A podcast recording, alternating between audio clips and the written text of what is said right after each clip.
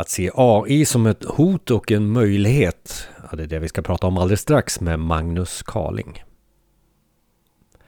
Och du är med oss och det är jag djupt tacksam för. Och du kan eh, ge oss lite betyg där på Apple Podcast eller i Spotify. Ge så många stjärnor som du bara orkar.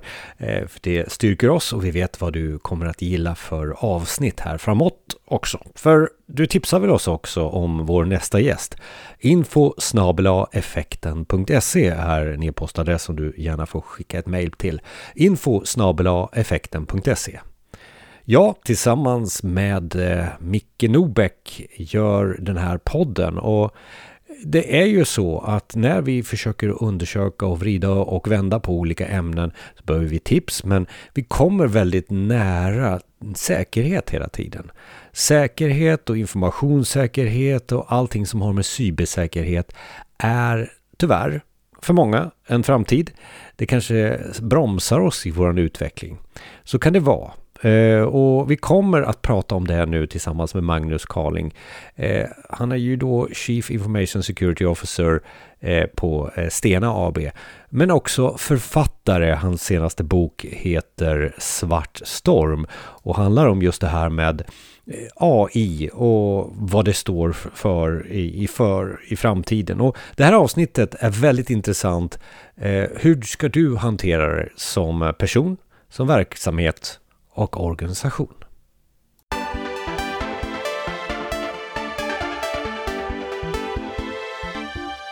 När effekten landar i informationssäkerhet och säkerhet också, det gör vi ett antal gånger eh, varje år. Eh, ett ämne som, som bara fylls på och blir bara viktigare och viktigare. Så välkomnar vi Magnus till, till podden. Tackar. Och vi ska prata om en liten vinkel som handlar om just den här AI igen. Ibland så kan man känna att det är, nu kommer vargen eller något sånt där. Eh, eh och, och, och, vi ska väl ta oss lite eh, vidare i, i vad du ser och vad du tänker om just det med hoten och möjligheterna inom AI. Eh, för att är det den här stormen och, och, och vargen som kommer eller hur, hur skulle du definiera hoten och möjligheterna? Ja, precis. Och, eh, alltså, det här är ett jätteintressant ämne och det är, det är ganska svårgreppbart för det händer så mycket samtidigt.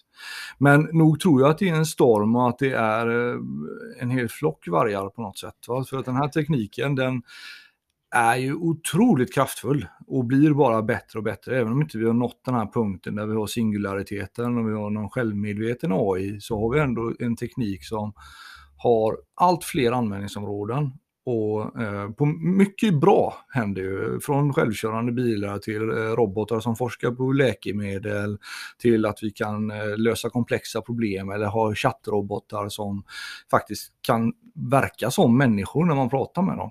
Så, så nog är det en kraftfull teknik som kan hjälpa mänskligheten, ingen tvekan om det. Um. Men så kommer, men, men, men, alltså möjligheterna pratar vi om, alltså vi som jobbar med IT och teknik, det är möjligheter, möjligheter, det är algoritmer och det är bara köra framåt här. Det, det är bara egentligen din, dina idéer som sätter begränsningarna. Mm, mm. Ja. Är, fort, är, vi inte, är vi inte fortfarande där och pratar? Vi pratar inte om så mycket som att de här idéerna kommer att skapa någon form av hot eh, för oss. Jo, visst är det så. Och, och, det finns ju i det närmaste en naivitet vid eh, tekniken många gånger att ja, men den, den kommer lösa allting. Ja. Och, men som all, med all teknik så är det ju, kärndelning kan användas till både att skapa energi och släppa massförstörelsevapen som tar död på en massa människor. Så det är alltid tillämpningen det handlar om. Och jag, jag gillar ju liknelser och jag tänker ofta på uh, att när vi digitaliserar och utvecklar IT så är det som att sitta i en sportbil och köra på en mörk väg. Eh, men problemet är att vi har ingen broms i den här bilen. Och då är ju frågan hur många skulle bara gasa på då? Och, och det kanske inte så många skulle göra om man, om man pratar om en bil, men när det gäller digitaliseringen så är det precis det vi gör.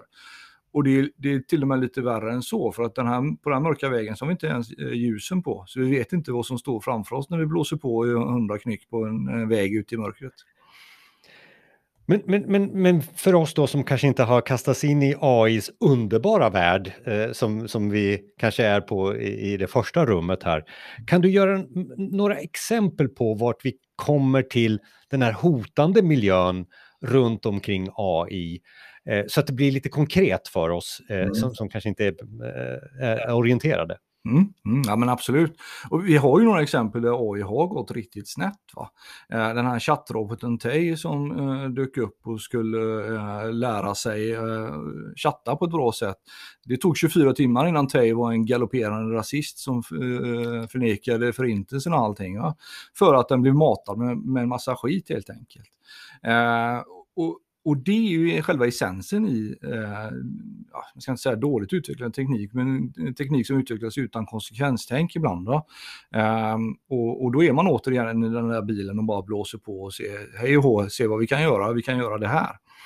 Eh, men sen finns det ju AI-tillämpningar som också utvecklas med ett ganska så elakt syfte. Deepfake har vi ju alla eh, hört talas om på ett eller annat sätt och, och, vi har ju fått se exempelvis president Zelensky kapitulera. Eh, men det var inte han, men det såg ut som han och det, även om det inte var världens bästa deepfake så var det fortfarande ett ganska bra exempel på när AI används för Eh, propaganda och, och, det hade ju kunnat gå ännu värre om folk faktiskt hade lagt ner vapnen i det läget. Då. Um, och, och, det intressanta med deepfake tycker jag är att, eh, man kommer tillbaka till naiviteten igen då. Det finns ju mängder av roliga appar som man kan använda för att eh, skanna sig själv och sitt ansikte och sen helt plötsligt så är du superhjälte i en film eller du är operasångare eller vad som helst och det ser ut som du och du gör en massa fantastiska saker.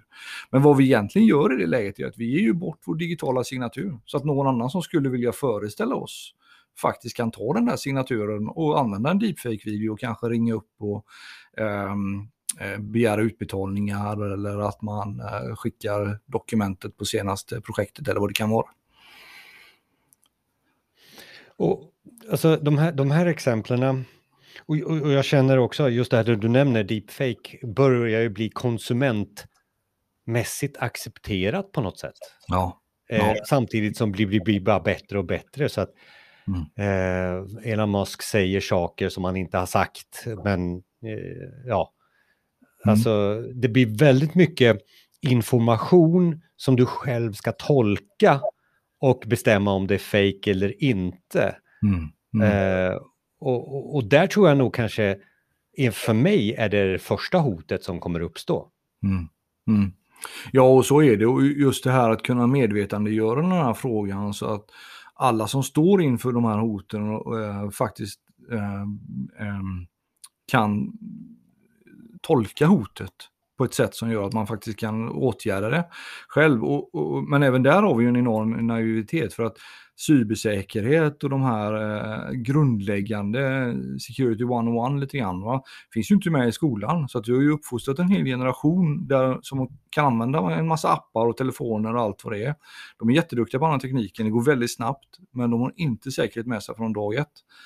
Vilket gör att vi får ytterligare ett problem. Och, och, och på din fråga där, just det här med att ja, men, när man står inför nya hot, hur ska jag som konsument kunna upptäcka att den här filmen är fake?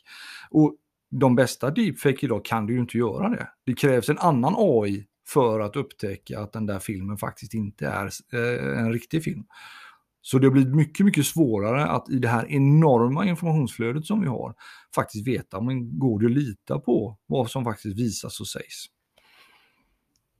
Men, men sen finns det väl också ett exempel där, där eh, man ska börja ifrågasätta eh, jag vet ju till exempel att det finns goda exempel inom läkemedel och, och, och sjukvård där eh, man tittar till exempel på med, med hjälp av AI-modeller på hudcancer, eh, mycket, mycket bättre än de bästa doktorerna och sådär. Men mm. jag vet att du nämnde liksom det här med virusforskning och, och man applicerar AI på det. Mm. Alltså, det, det är mycket som kan gå fel också, men det kan vara mycket gott. Alltså jag vet inte var jag är någonstans här. Eh, mm. Vi ska använda det till något gott, men det finns fortfarande ett hot. Eh, alltså, mm. har, har du några exempel på den, på den eh, läkemedelsdelen där också? Eller? Ja, absolut. Vi har ju en AI-robot här i Göteborg som forskar på att bota covid och den gör det helt autonomt. Och det är ofta så det funkar med AI, att man ger AI en uppgift att lösa och med vissa givna parametrar och så ska den kunna göra det här. Och då bygger vi samtidigt också in en autonomi i hanteringen av eh, det här, det här problemet. Vilket gör att om inte vi vet hur AI hanterar det och kan kontrollera koden så att säga, ja men då kan vi få ett helt annat resultat, precis som den här chattroboten. Så har vi otur då, så istället för att utveckla ett botemedel så utvecklar den en värre variant av viruset. Uh, och och det, där ligger ju faktiskt svårigheten att kunna formulera exakt vad är det vi vill ha ut av en AI och hur gör vi det på det här etiska sättet så att det blir bra. Och att lära en maskin etik och känslor, det är otroligt svårt för den bygger på logik hela vägen ut i fingerspetsarna ehm, eller in i, i varenda kretskort. Så, ehm, så den, den, utmaningen tycker jag man ska ta på stort allvar och också fundera på om eh, vi kanske behöver bromsa takten lite grann. För att vi bygger så mycket olika tillämpningar inom så många olika områden där vi också smälter ihop de här olika världarna. Så att det som tidigare var, ja men det var, fysisk säkerhet var ju väldigt separerat från den digitala cybersäkerheten. Men så är det inte längre, utan nu styr ju samma maskiner över dörrar eh, och eh, självkörande bilar ska, eh, kommer ju kommer ju också och blir mer och mer vanligt. Eh, självkörande lastbilar, självkörande tåg, förmodligen självkörande flygplan också. Uh, och den, jag tror inte någon vill sätta sig i ett sånt flygplan om inte man är säker på att den koden är kontrollerad. Um, så. Och, ehm, så ja, etik kring utveckling av digitala tjänster kommer att vara viktigt.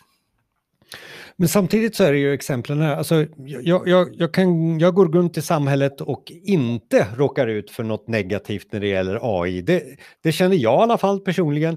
Eh, eh, men det med det här, de här exemplen och det här som vi målar upp här nu så känns det som att det här borde redan ha hänt väldigt många negativa saker just med AI.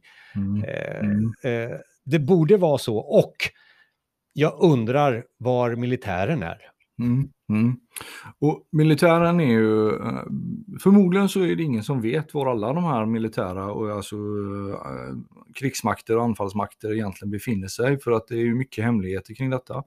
Men vi kan konstatera att det pågår ju ett eh, mer eller mindre kallt cyberkrig där ungefär 100 nationer runt om i världen har byggt upp offensiva förmågor att kunna angripa andra länder. Där en av de värsta tillämpningarna tycker jag är autonoma vapen. Där en maskin faktiskt får ta beslut att kunna ta livet av en annan människa. Eh, eller en människa på motståndarsidan. Och det har vi också sett några exempel på nu då, även om de till, är semikontrollerade av människor. Så det tycker jag är en skrämmande utveckling som också accelererar, för det är ju en form av kapprustning här också. Givetvis vill ju stormakterna, eller alla länder, ha den tekniken där de vinner AI-kapplöpningen.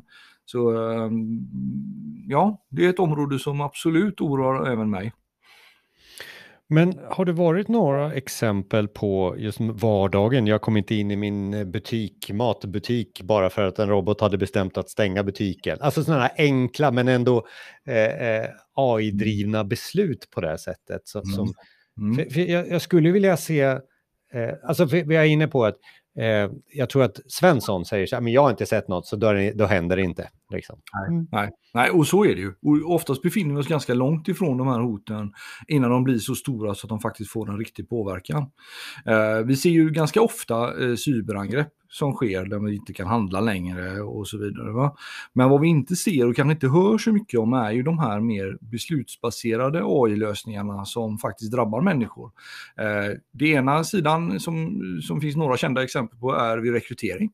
Där en AI sållar ut baserat på ett antal olika kriterier som har slagit snett när man exempelvis sållade ut alla män. Eller alla kvinnor eller vad det nu kan vara. Då.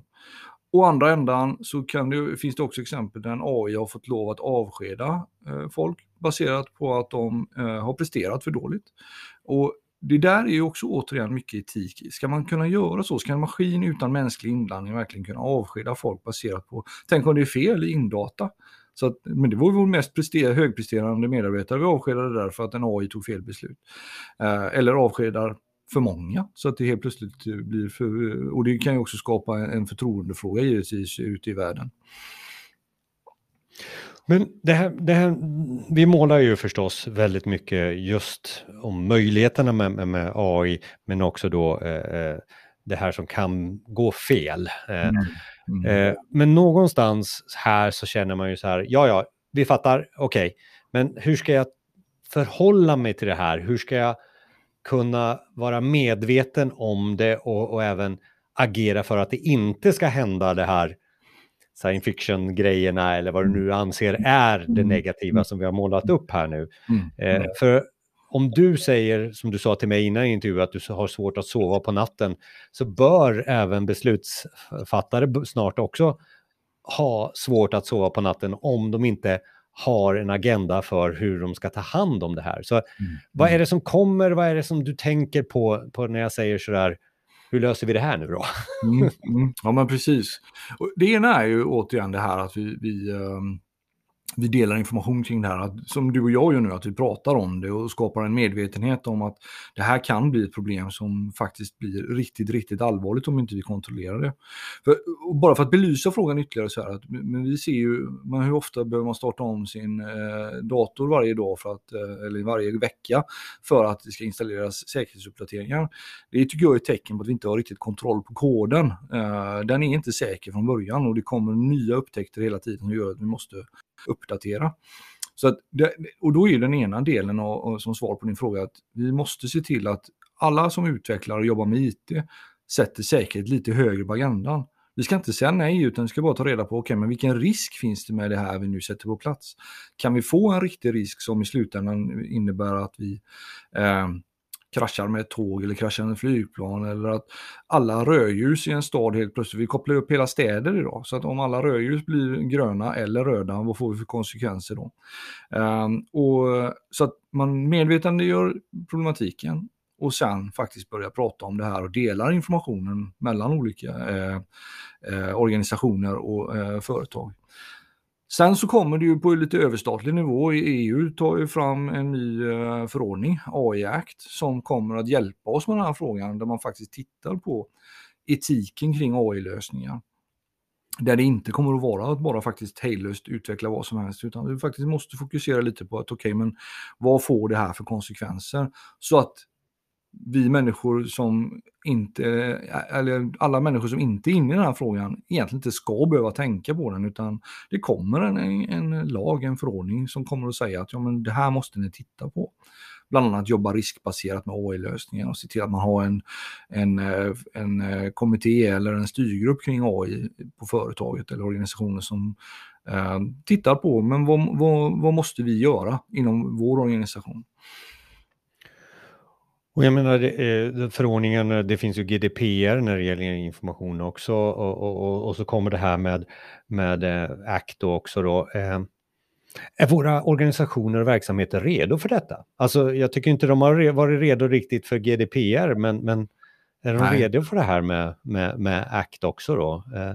Kanske en ledande fråga då, men... ja, ja, det, nej, jag tror ju inte det. Jag tror ju att, att de allra flesta organisationer är inte överhuvudtaget redo och beredda på den här frågan, att den kommer att komma på det här sättet. Eh, för det handlar mycket om att ha ordning och reda också på de här systemen, att kartlägga dem och veta vilken risk man har. AI Act kommer att dela in eh, AI i eh, tre delar, där den ena delen kommer att vara totalförbjuden och det är ju den här typen av sociala system som poängsätter människor utifrån beteenden och ansiktsigenkänning, det kommer att vara totalförbjudet. Medan eh, övriga eh, lösningar delas in i högrisk eller lågrisk, vilket är intressant i sig, för det finns ingen mellanrisk. Eh, så att man, man, måste säga att det här är hög risk eller så är det låg risk. Och då måste vi kontrollera risken mycket bättre och se till att vi har mitigerande kontroller där det finns. Då.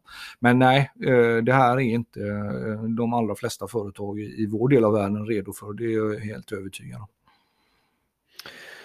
Kommer vi att hitta en möjlighet här att också se AI som någonting som positivt då att vi kommer framåt eh, i, i, i, i det vi gör i vår, runt våra processer och sådär.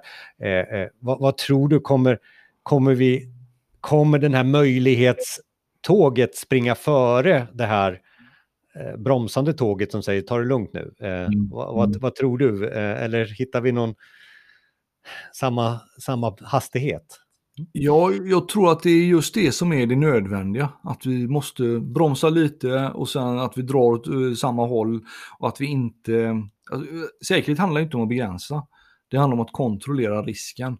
Och så att, eh, men, men jag tror att det, det absolut viktigaste är just detta att vi inte bara skenar iväg och uh, plockar bort bromsen på den här bilen vi kör eller hur man nu vill se det. Så, uh, och, och mycket handlar i grund och botten om att vi eh, tar med säkerhet på, på agendan dag ett. Och, för då kan man släcka ganska många av de här riskerna genom att, ja men har vi tittat på konsekvenserna av det vi håller på att införa? Ja, det har vi gjort. Vi har kontroll på våra personuppgifter och vi har kontroll på hur den här lösningen kommer att hantera eh, sin uppgift helt enkelt. Och, och, och, här får ju jag frågor eftersom jag jobbar också som konsult och då får jag ju frågorna så här, ja men Jonas, eh, målgruppen, vilka roller finns det? Vem är det som ska ta tag i det här? Och finns det någon metod? Mm, ja. Ja, det gör det. Det finns ju det finns absolut metoder och, och eh, rollerna. Är, det här är en styrelsefråga cybersäkerhet och informationssäkerhet är en styrelsefråga. Och det är styrelsen som måste sätta lite krav på sin vd att se till att men det, du behöver ha ett antal roller på plats. Ju större organisation, desto fler eh, personer behöver du till din hjälp. Men sen är det också en kulturfråga i mångt och mycket. Det här behöver ju andas och leva under lång tid. Och att man ser till att man utbildar inte bara en gång utan att man har kontinuerlig utbildning hela vägen från styrelsen till de som faktiskt sitter och knackar kod eller eh, implementerar lösningarna.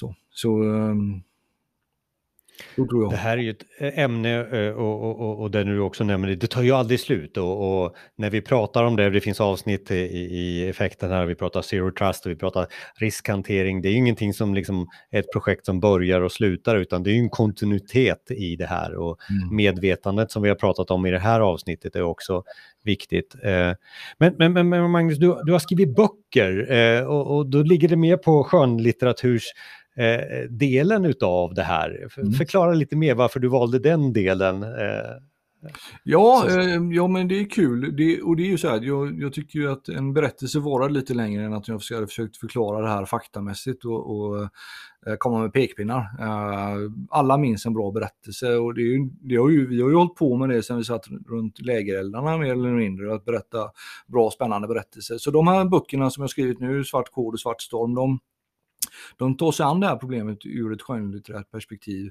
men försöker också vara, eh, eller försöker, de är faktabaserade. Det är alltid, alla hack som är, finns i dem går att göra och sådär. Va? Eh, samtidigt som jag utmanar lite grann, jag extrapolerar tekniken lite grann. Och, och, eh, för det är också ett ämne som jag tror att eh, vi definitivt kommer behöva prata mer om, att vart är det här på väg? Eh, för att den accelererar, accelererar vi bara teknikutvecklingen så kommer ingen människa ha koll på den här tekniken. kommer det behövas en maskin för att ha koll på tekniken. Har vi då ständigt självförbättrande system så då, då är det svårt att säga var det tar vägen. Men genom att eh, prata om det här skönlitterärt så försöker jag också att vidga eh, och öppna lite nya tankar här. Att, ja, men, om vi bara skruvar lite på säkerheten och kontrollerar det lite mer så behöver det inte bli det här Frankensteins monster som kommer att jaga oss istället för att vi jagar iväg det med monstret med högafflar. Um, ehm, så, så kontroll är lösningen, att vi jobbar med att kontrollera med vad vi än vill, eh, vill sätta på plats. Länkar till Magnus, till böckerna, eh, och finns direkt nu i er podcastspelare och på bloggen på effekten.se. Magnus, tack så mycket för att du var med i Effekten. Tack så mycket för att jag fick vara med. Tack.